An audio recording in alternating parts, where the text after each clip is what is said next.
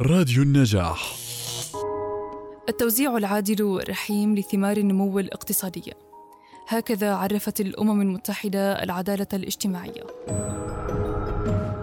وبناء عليه فإن مفهوم العدالة الاجتماعية يحقق الإنصاف لجميع أفراد المجتمع بحصولهم على فرص عادلة اجتماعيا وسياسيا واقتصاديا. أطراف تحقيق العدالة الاجتماعية هم الحكومات والمنظمات غير الحكومية والأفراد في كل مجتمع.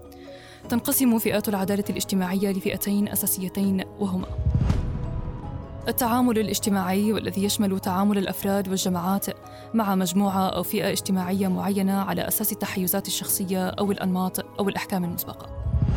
اللوائح الحكومية غير المتكافئة والذي يحرم فيه جميع فئات المجتمع من الوصول لجميع الفرص وذلك عن طريق القوانين واللوائح الحكومية التي تصن بقصد أو عن غير قصد لإقصاء بعض الفئات من الحصول على حقوقها.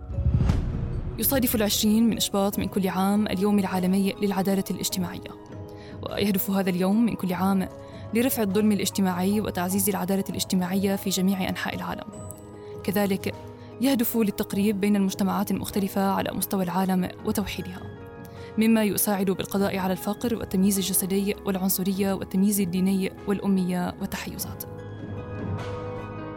لكل يوم دولي موضوعه وتبقى قضايا الإنسان هي أكثر ما يشغلها.